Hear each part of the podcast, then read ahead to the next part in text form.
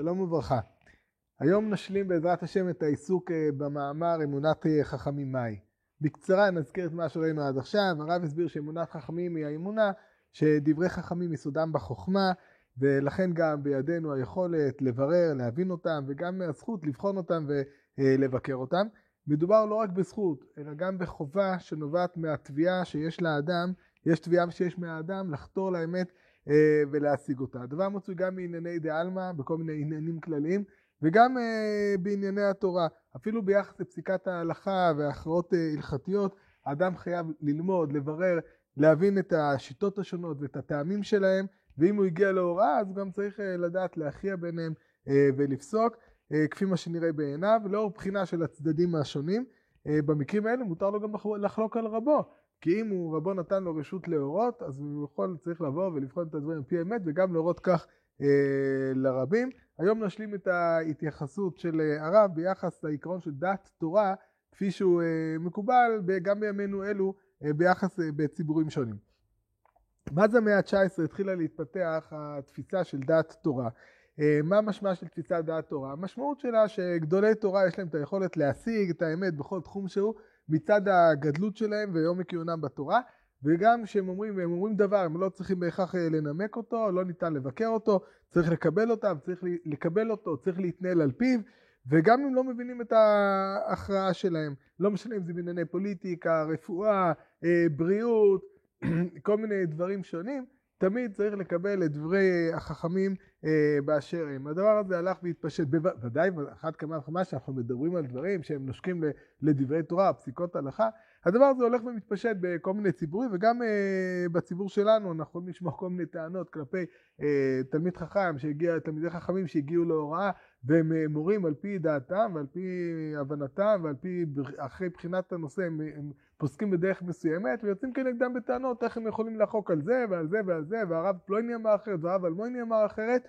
ולמעשה שוללים את הלגיטימציה של, אה, גם של תלמידי חכמים בענייני הלכה להורות דברים ובוודאי גם בדברים אחרים שאיך אפשר שחבר כנסת מתנהל בדרך מסוימת שהוא לא מקשיב למה שאמר הרב הזה או הרב, או הרב הזה אנחנו לא מדברים כרגע על שמיעה לעצתם או ראוי להקשיב להם אלא טענה בכלל על שלילת הלגיטימציה של אדם לפעול ללא מה, בניגוד אה, למה שאמרו גדולי דור אלו ואחרים או רב זה או אחר ואיזושהי כפיפות מוחלטת שצריכה להיות לדעתם. אנחנו, אני לא מדבר כרגע על העניין שבוודאי ראוי ונכון לשמוע, או שיכול להיות שיש אה, קבוצת חברי כנסת שתחליט שהיא כפופה ומה שאמרו לה גוף זה או אחר, וזה לא משנה אם זה מרכז הליכוד או מועצת גדולי התורה, ככה היא תפעל. אני מדבר על עצם העיקרון, עצם הרעיון שעומד מאחורי הדברים האלה, שכיוון ש... פלויני, אלמויני או גוף זה או אחר אמרו משהו, לא ניתן בכלל להתווכח ולחלוק על דבריהם, וצריך לקבל דבריהם לא מצד הסמכות שיש להם, אלא מצד עצם זה שהם גדולי הדור וכך הם, אה, הם אמרו. אה, אנחנו נשתדל דבר ראשון אה, לראות את ה... להביא ככה כמה דברים שאמרו אנשים שהלכו בדרך הזאת, לנסות להבין את המקור הרוחני של התפיסה הזאת, ולאחר מכן לראות את גישתו של הרב. נפתח בדברים מאלפים של הרב אליהו דסלר, שהיה מגדולי המוסר אה, בדור הקודם. אה, הרב דסלר בספרו מכתב מאליהו חלק א' עונה תשובה לבחור ששאל אותו ביחס להתנהלותם של גדולי ישראל בשואה איך זה ייתכן שגדולי ישראל בשואה לא נתנו הוראה, לפני השואה לא נתנו הוראה לכל השו... תלמידיהם ומי שהקשיב להם לעזוב את אה, אירופה דבר שבסופו של דבר הוביל למותם, רחמנא ליצלן, של מיליוני יהודים. עכשיו, היו גם כאלה, בואו נזכיר שהיו גם כאלה שאמרו לא לעזוב, פה לניה או פה לין, שאנחנו צריכים להישאר בחוץ לארץ ולא יקרה שום דבר, וכנגד הבחור, אותו בחור שאל את הרב דסלר על העניינים הללו, ועונה לו הרב דסלר, מתוך דברי כבודו, אני רואה שסובר כי כל גדולי ישראל אשר מעשיהם היו לשם שמיים וגאוני השכל ואדירי הצדקות גם יחד, אשר בלא ספק בכל משפטיהם ופסקי דיניהם היה השם ניצב בעדת אל, כמו בדור העבר, חפץ חיים ז"ל, והגאון רב חיים אויזר ז"ל, והגאון רב חיים בריסקר ז"ל, והגאון רב ברוך בר ז"ל, ועוד ועוד אשר קוטנם גדולה מהשגתנו. ומה בדור שלפניהם כגאון ישראל וקדושו רבי ישראל מסלן, זה צוקה לו, שאר גאוני וצדיקי דורו שנלוו אליו, כולם יטעו טעות גמורה, חס וחלילה, לא תהא כזאת בישראל. אסור לשמוע דברים כאלה וכל שכן לאומרם. אם לא שהבנתי אשר שמע מאחרים הנקראים בני תורה ומבעטים ברבותיהם ומחללים השם דברים כאלה כי אז לא הייתי משיב לו כלום. כאילו מי שסובר שאותם גדולי ישראל, שימו לב, מי שסובר שאותם גדולי תורה הוא מוגדר פה הנקראים בני תורה מבעטים ברבותיהם ומחללים השם. אך ביודעי כי לבבו ישר, אלא שמבחוץ הגיעו לו מליצות כאלה, על כן בצירוף גודל ידידותנו אמרתי אשים לילה כיום ואשיב לו דברים ברורים. קודם כל דבר אומר למר, כי איזה מהגאונים הלל זכיתי לראות לדעת פנים וראיתים באספות בענייני כלל ישראל כמו החפץ חיים, הגרח מבריס והגאון רב חיים אויזר, ואוכל לומר לו נאמנה, כי אפילו להשגת פעוטים שכמותנו הן הייתה פיקחותה מבהלת, ועומק שכלם היה יורד ונוקב עד התהום ממש, ולא הייתה שום אפשרות לאדם שכמותנו לעמוד על סוף דעת בהירות הבנתם. זאת ועוד לאחרת. מי שרץ, עד כאן זה בסדר גמור, עד כאן הוא אומר, היו אנשים נורא חכמים, היכולת שלהם לבחון את הדברים ולדייק אותם ולברר אותם הייתה יכולת מדהימה שאנחנו פשוט לא מסוגלים לתפוס אותה. ולא הייתה, סליחה, מי שראה אספותיהם ראה בחוש, כי על כל פנים, בשעה שחשבו מחשבותיהם והתעמקו בדעתם לשם שמיים בענייני כלל ישראל, היה מראה נורא לראות את גודל ועומק הרגשת אחריות, הרגשת אחריות וכל מי שזכה לעמוד לפניהם בשעה כזו, היה ברור לו שראה שכינה שורה במעשה ידיהם, וכי רוח הקודש שרתה בחברתם. וכבר אמרו לנו חז"ל לשמוע לדברי חכמים, אפילו אומרים לנו על שמאל שהוא ימין ולא לומר חס וחלילה שבוודאי טעו, מפני שאנוכי הקטנטן רואה בחוש את טעותם, אלא החוש שלי בטל ומבוטל הוא, כאפרא דארא כלפי בהירות שכלה וסייעתא דשמיא שלהם. אין אין בית דין יכול לבטל דברי בית דין חברו, אלא אם כן גדול ממנו בחוכמה ובמניין. ובלזה קרוב הוא שמה שידמו שהוא חוש אינו אלא דמיון ורעות רוח, זוהי דת תורה בגדר אמונת חכמים. יש פה דברים מאלפים. למרות שהאדם רואה בחוש שיש פה טעות, החוש שלך בטל ומבוטל. היכולת שלך, אתה פשוט, זה, זה דמיון בעלמא, זה פטה מורגנה, זה לא חוש. יש פה תפיסה שהיא תפיסה מרתקת ביותר, שהובאה על דבר ש... לכאורה לאנשים פשוטים הוא אכן נראה בחוש שהוא טעות. חוסר הבנה, חוסר הסתכלות קדימה, חוסר יכולת אה, להבין את גודל הדבר שהולך ומתרגש, שכל אלו הם דברים לגיטימיים. אבל לבוא ולומר שהחוש הוא בטל ומבוטל וכל מה שאמרו זה אמת, וודאי זה הדבר הנכון והראוי להורות, הדברים האלה דברים מאוד מאוד מאוד קשים. שימו לב שאין פה שום התמודדות עם עצם הטענה. רק ההתמודדות היחידה שאנחנו לא מסוגלים להבין והחוש שלנו הוא אה, בטל ומבוטל. אה, ודבר נוסף שאנחנו יכולים לראות פה באופן ברור, העניין הזה שרוח הקודש שורה בחברתם.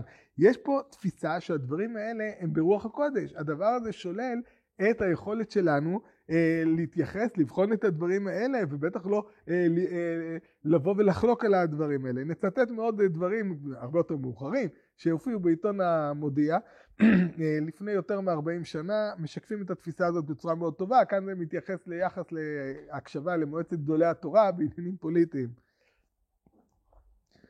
נקרא דעת תורה כיסוד באורחות חיינו. להאמין בדעת תורה ללא כל הסבר שכלי או טיעון הגיוני שאינו מעלה ואינו מוריד. להאמין באמונה תמימה וברורה כי סוד השם ליראיו ולהגיע לכלל הכרה כי בשעה שגדולי תורה ויראה מתכנסים בצוותא לדון ולהכריע בנושא כלשהו הרי השכינה ביניהם בבחינת אלוקים ניצב בעדת אל והחלטותיה והכרעותיה מתקבלות תמיד כמפי גבורה. גם כאן אנחנו רואים אה, שההחלטות במקשר הזה של מועצת גדולי התורה הם ממש החלטה אלוקית. דבר שהוא שולל את הצורך, היכולת אה, שיש לאדם לבוא ולבחון את הדברים, בוודאי שלא לחלוק עליהם, והוא גם שולל את הלגיטימציה בכלל להתנגד לעצם הדברים שהם אומרים. אין פה שום טענה אה, כלפי, אמרתי, אין פה טענה כלפי העובדה שיכולים להחליט שאגודת ישראל תקשיב למועצת גדולי התורה כי הם הסמכות מבחינתם, ומה שהם מחליטים זה מה שהם מחליטים, זה בסדר גמור. אבל יש כאן אנחנו יכולים לראות, הטענה העיקרית היא פה שלי, כלפי העניין שממש מייחסים לזה משהו אה, נבואי. אה, אם אנחנו נזכר בדברים שראינו, בעיקר בפרק הראשון, זה חציית הקו שמפריד בין החוכמה לבין הנבואה. בעצם יש פה אנשים שהכוח שלהם הוא כוח שנובע מכוח החוכמה, ואנחנו מנסים לייחס אליהם דרך התנהלות שמתאימה לנבואה. לא משנה ההבנה שלנו את דבריהם, לא משנה אם דבריהם מנומקים או לא מנומקים, אין לנו יכולת לבחון את זה, דבריהם הם ברוח הקודש, ממש בפי הגבורה. יש פה בעצם איזשהו עניין של טשטוש הגבולות, או אולי אה, למעשה משהו שונה לחלוטין, לקחת ולייחס לאנשים מסוימים את מדרגת הנביאים, ובכלל לא להתייחס אליהם באותו אופן שאנחנו אה, מתייחסים אה, לחכמים. ייתכן מאוד שהדברים האלו, אם אנחנו מחפשים את השורשים שלהם, שורשים מסוימים שאפשר אולי אה, לבוא ולראות אותם כבסיס לדברים האלה, הם הדברים שאומר לנו הרמב"ן אה, בפירושו לתלמוד. במסכת בבא בתרא בדף י"ב יש לנו מימרה מאוד ידועה, אמר רבי אבדימי דמן חיפה, מיום שחרב בית המקדש ניטלה נבואה מן הנביאים וניתנה לחכמים. על זה שואלת הגמרא, אטו חכם לאו נביאו? אומרת הגמרא, אחי כאמר, אף על פי שניטלה מן הנביאים, מן החכמים לא ניטלה.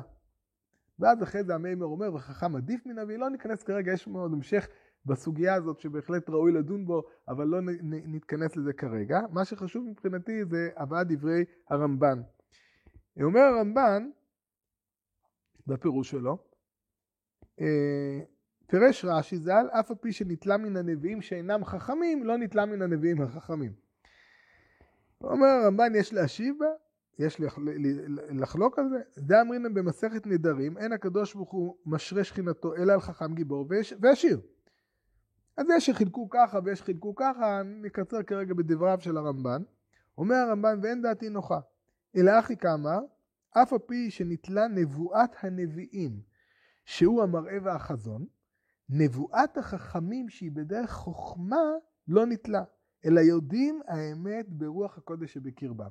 שימו לב, הרמב"ם פה מחלק בשתי סוגי נבואות. הנבואה אחת היא נבואת הנביאים, המראה והחזון. זוהי נבואה בעלת אופי מסוים, והנבואה השנייה היא נבואת החכמים, שהיא בדרך החוכמה, שיודעים האמת ברוח הקודש שבלבבם. מכאן אנחנו יכולים לכאורה להסיק שלחכמים יש ממש רוח הקודש. יש להם בחינת נבואה, וכיוון שיש להם בחינת נבואה, אנחנו צריכים לבוא ולהכיל עליהם את כל הדברים שאמרנו וראינו ביחס לנביא. אמנם את הרמב"ן הזה אפשר להבין גם בצורה שונה לחלוטין, יכול להיות שכוונתו לומר שבדרך החוכמה, אומר נבואה בדרך החוכמה, פירושו של דבר שעל ידי הבירור השכלי של הדברים הם יכולים להשיג את האמת, והרי הנבואה היא אמת. וכאן הוא בעצם מכניס את הדברים האלה בדיוק למשבצת של דברי החוכמה, שאותם צריך לבחון. הם חייבים לנמק את זה, ואפשר לבחון את דבריהם ולשקול את דבריהם, וזה גם לא שולל את האפשרות שבמקום זה הם יטעו או במקום אחר. בכל מקרה, ייתכן מאוד שהתפיסה הזו מבוססת על איזשהו עיבוד ואיזושהי אה, הרחבה של דברי אה, הרמב"ן, הרמב"ן הללו. לאור מה שאנחנו ראינו עד כאן, תפיסה שהיא תפיסה, כמו שאמרתי, הולכת ופושטת גם אה, לפעמים בתוך הציבור הציוני דתי, שמקצת אולי חיקוי, קנאה, או איזושהי תפיסת עומק, מנסים לבוא ולממש איזושהי תפיסה כזאת שיש אנשים שלהם חייבים להשמיע, להקשיב ולשמוע עליהם, ואסור לחלוק עליהם לא בענייני דלמה, ובוודאי ובוודאי לא בענייני תורה, ולא משנה מי, ולא משנה אם הוא ראוי להורות, לא משנה אם הוא לא ראוי להורות. אה, עכשיו נעבור לראות את דעת הרב בעניין. טוב, כמו מי שעקב אחרי הפרקים הקודמים, או מי שמכיר את הרב, בוודאי יכול לשער לעצמו שהרב התנגד בצורה מהותית, התנגד מכל וכל לתפיסה לתפיסה מעין זו. גם במאמר שלפנינו וגם במאמר הבא אחריו בספר על אה, אה, פסיקה ומנהיגות רוחנית, הרב יוצא בצורה מאוד מאוד חריפה נגד אנשים שהולכים בגישה הזו. האמת שאני פשוט, אין הרבה מה להוסיף, אני פשוט רק צריך לקרוא את דברי הרב, כי הדברים כתובים בצורה מאוד מאוד ברורה ונחרצת, בפרט לאור מה שדיברנו בפרקים הקודמים, על הגישה של הרב לחוכמה, לתביעת האדם לאמת, להשגת האמת, וזה העובדה שאדם צריך לקחת אחריות על המעשים שלו, אז פשוט נקרא מדבריו של הרב מתוך אה, מסילות בלבבם, נתחיל דבר ראשון במאמר שלנו בעמוד המאה וארבע עשרה, ונעבור, נקרא גם מתוך המאמר הבא. בזמן האחרון יש המשתמשים במונח אמונת חכמים במובן אחר לגמרי, במשמעות אשר חז"ל לא דיברו עליה כלל, כאילו גם בדברי הרשות יש לחכמים סמכות הלכתית או נבואית. אין המדובר בשאלת עצה ממומחים או מחכמי התורה, שבגלל צדקותם, תורתם ופיקחותם, יש ליהנות מהם עצה ותושייה. זוהי ודאי דרך טובה לכל אדם להיעזר בעצת גדולים וטובים ממנו. כן, זה אמרנו כבר, הרב ודאי חשב שהדבר הזה נכון, לשאול, להתייעץ, נהנים ממנו עצה ותושייה זה בוודאי נכון. אבל יש הבדל בין מי שנוטל עצה ובסופו של דבר פועל מתוך אחריות עצמית, לבין מי שנתלה באילן גדול ומוותר על החשיבה העצמאית. על תופעה זו כבר עורר רב שניאור זלמן מילדי, בעל התניא. הייתה כזאת ממות עולם. והיה איפה מצאתם מנהג זה באחד מכל ספרי חכמי ישראל הראשונים והאחרונים להיות מנהג ותיקון לשאול בעצה גשמיות כדת מה לעשות בענייני העולם הגשמי. אומר הרב, יש כאלה שמכנים התנהגות, התנהגות ילדותית כזאת אמונת חכמים, ואין זה אלא סילוף. הדבקים באמונת חכמים מסולפת זו במקום שיקנו תורת אמת, הרי הם מתרחקים מאור התורה וסופם שאינם יודעים בין ימינם לשמאלם. ההבחנה בין תחום סמכותם של הנביא והחכם היא ברורה. נביא שציווה על דברי הרשות נצטווינו לשמוע לו. ולא יודע לה אסור לחשוב אחריו או לערער בנבואתו שם אינה אמת ואסור לנסותו יותר מדי, זה דברי הרמב"ם. מה שאין כן בחכם. אמונת חכמים מחייבת בירור וליבון דבריהם ככל האפשר, ומי שאינו עושה כן אינו אלא פתי המאמין לכל דבר. אם בדברי תורה כך, בדברי הרשות על אחת כמה וכמה, בוטח בלבו וכסיל והולך בחוכמה הוא יימלט. זהו סיומו של אה, המאמר, ונקרא עוד דברים שאומר הרב בהמשך, במאמר הבא, בעמוד 146. אה, כאן הרב אפילו הולך ומפתח את, ה, אה, את הדברים הללו. אומר הרב, אמנם בזמן האחרון הופיעה סיסמה חדשה המעניקה לרבנים סמכות בתחומים שאין בהם לא רע ולא פסיקה. והיא סיסמת דעת תורה. תפיסת דעת תורה הלכה והתפתחה החל מסוף המאה ה-19 ומרחיבה את סמכותם של חכמי התורה גם לענייני הרשות. ומחייבת שמיעה וציות להם בעניינים שאין בהם נפקא מינא להלכה ואין בהם לא מצווה ועבירה ולא איסור והיתר בתחומי הפרט ועוד יותר בתחומי הנהגת הכלל. ואז הרב פה מסביר את החילוק הברור שקיים בין בעל מקצוע לבין רב. כל אחד יש לו את המקצוע שלו. עצם העובדה שהרב הוא רב אינה מקנה לו מעמד של בעל מקצוע בתחומים שאינו עוסק ומתמחה בהם. הרב אינו רופא ואינו איש ביטחון וממילא לא שייך שרב יתערב בשיקול המקצועי של בעל מקצוע. אמנם הרב מדבר על זה שאם יש, אה, צריך להיות אמון הדדי וצריך להיות קשר ותקשורת בין הרב לבין בעלי המקצוע, דבר שבעצם מאפשר אה, להפרות אחד את השני, שיהיה שיח והפריה. ו... אבל זה לא אומר שהרב הוא כזה, והרב יכול להתבטא בזה, הוא יכול להיות שותף גם בהכרעות כאלה ולהביע אה, באמת דעתו ומתוך כוחו וחוכמתו. יש מקור אחד שלכאורה יוצא כנגד התפיסה הזאת, שאנחנו ראינו בהלכה, שחייבים לשמוע לסנד... לגורם תורני, לסנהדרין, בעניינים שהם לא קשורים לתורה. הדבר הזה הוא ביחס להוצאת ה... למלחמה רשות. המלך לא יכול להוציא למלחמת רשות בלי לשאול את הסנהדרין, אז הרב מדבר על הדברים האלה. אמנם מצאנו בהלכה שאין המלך מוציא את העם למלחמת הרשות אלא על פי דין, על פי בית דין של 71. אבל זו הלכה ייחודית לגבי יציאה למלחמה, והיא קשורה למערכת היחסים בשתי סמכויות ההנהגה שבישראל, מלך וסנהדרין. כן, שם זה לא נובע מצד שחייבים לשמוע על סנהדרין גם סנהדרין. המלך בעצם צריך שיהיה לו איזשהו גורם מאזן. כדי שלא לתת אה, מקום לזה שמלך לפעמים יכול להוציא למלחמה בגלל כל מיני עניינים אישיים וכל מיני ענייני אגו ורצון לכבוש, אז במלחמת רשות צריך משהו שיאזן אותו, צריך שיהיה מבונה כוח שהוא מאזן את המלך, והכוח הזה הוא הסנהדרין. אה, אבל הדבר הזה הוא כאמור לא, הוא לא, מש, לא אומר שום דבר בדברים אחרים, כי שם זה קשור למערכת היחסים בין המלך לבין אה, הסנהדרין. אומר הרב, אה, מבחינה זו, אחרי שהוא מדבר בהמשך הדברים, טיפה מדלג, ייתכן מאוד שאף יהיו לרב חוכמה, ערנות מוסרית ושיקול דעת עילאי, ותחסר לו דווקא מומחיות המעשית הנדרשת להבין את המציאות לאשורה. העובדה שרב עוסק יומם ולילה בתורה ובפסיקה אינה מעניקה לו באופן אוטומטי את החוכמה המעשית ואת המיומנות להבחין ביניהם. אמנם כמובן, שאני אומר את הכמובן הזה, הדברים שכבר ראינו אותם קודם, ייתכנו היבטים שלגביהם יש מקום לשמוע גם את דעת הרב מתוך הערכה לתורתו או ליושר שיקול דעתו, ומתוך הנחה שהוא מציב לנגד עיניו שיקולים ערכיים ואינו דן בשאלות העומדות על הפרק מתוך פניות זרות. ידיעת התורה אמורה לתת לאדם יראת שמיים וישרות ולהביא אותו להתבוננות ערכית ומוסרית, אף כי אף אינה תעודת ביטוח. אבל בקיצור, ודאי שאפשר לשמוע, שמיעת עצה זה דבר מאוד מאוד מאוד חשוב, אבל שמיעת עצה זה צד אחד. כפיפות והתבטלות ושמיעת הדברים ולקבל אותם בלי להבין אותם ולהסכים לכל דבר שאומר הרב אומר כי עצם זה שהרב אמר אותם זה כבר לא אמונת חכמים כפי, שאנחנו ראינו את הדברים האלה ראינו את הדברים האלה קודם. אה, אז ראינו, כן, המאמר שראינו, ראינו ארבעה, במשך ארבעה פרקים אנחנו השתדלנו לעבור על המאמר הזה, לעמוד על עיקרי המאמר ועל הדברים שעומדים אה, מאחוריו, בהשוואה גם לגישות שונות. המאמר שעסקנו בו הוא מציג דברים מאוד מאוד מרכזיים בתורתו של הרב. א', על מעלת החוכמה בכוחה. הרב האמין בחוכמה, האמין בשכל האנושי וביכולת של השכל האנושי להגיע לדברים היותר נכונים ויותר אמיתיים. התביעה לחתור לאמת, תביעה שלפי הרב היא תביעה מהותית שקיימת מהאדם באשר הוא האדם, ויש לו חובה לברר את הדברים כפי שידו משגת. ולאלו מצטרף גם האומץ, האומץ לקחת אחריות. אדם צריך לקחת אחריות על החיים שלו. אדם צריך לקחת אחריות, אחריות על החיים שלו בכל תחום שהוא, דבר שלא, לא, אדם לא יכול להתחמק מהצורך שלו להכריע. וכמובן להכריע, עדיף שאדם יכריע מתוך הבנה ומתוך מימוש הכוחות שלו, כפי שהם נראים בעיניו. בצירוף לענווה ולהכרה שתמיד טוב לשאול ולהתייעץ ולשמוע דרכי הסתכלות בטח של אנשים חכמים כי בטח יש להם מה להוסיף בדבר הזה דבר שלא מוריד מהאחריות מהצורך של האדם להבין ומהאחריות שלו לקחת את האומץ ולהכריע הן בתחומי תורה והן בתחומים אחרים. דברים אלו, הדברים שדיברנו עליהם, הם באים לידי ביטוי בתורתו של הרב לכל אורכה וגם בדרכי התנהלותו וגם בדרכי הנהגתו בציבור, הציבורית, וגם כך הוא חינך אותנו, גם בדברים במישור הפרטי וגם במישור הכללי, ונעים הדברים לגודל כותבם.